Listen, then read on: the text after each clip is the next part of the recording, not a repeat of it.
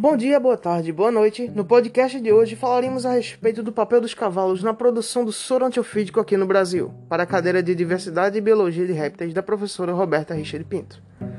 Os soros antiofídicos são o único tratamento comprovadamente eficaz no caso de acidentes com serpentes peçonhentas. Eles são capazes de neutralizar a ação do veneno de serpentes ao produzir uma interação entre antígeno e anticorpo.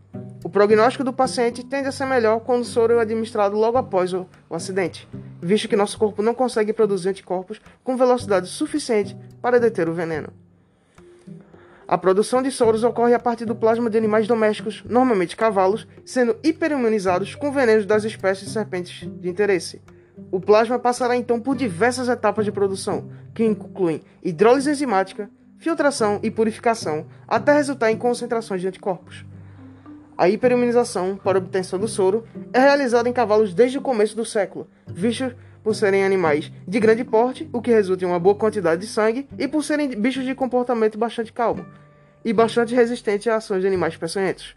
Assim, produz uma volumosa quantidade de plasma, uma vez que o soro é elaborado a partir do plasma que possuirá anticorpos para processamento industrial de soro, para atender a demanda nacional sem que o animal seja prejudicado no processo, obviamente, sendo removido apenas de 2% do peso do mesmo.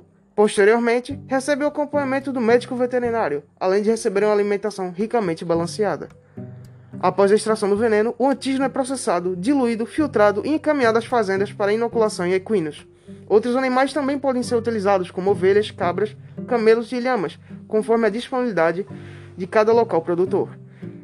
Os cavalos permanecem em quarentena, meu Deus, para a produção de anticorpos e são supervisionados durante todo o processo. Logo após, o sangue é removido e é realizada a separação entre plasma e hemácias. O plasma é então diluído e hidrolisado por ação enzimática. Após isso, o mesmo passa por um processo de separação das moléculas. Os anticorpos presentes em alguma dessas moléculas são a parte de interesse para a produção do soro, para que assim sejam utilizados em vítimas de animais peçonhentos. E com isso encerramos mais um podcast. Obrigado por ouvirem mais uma curiosidade da área de biologia. Eu sou Lucas Araújo e até a próxima.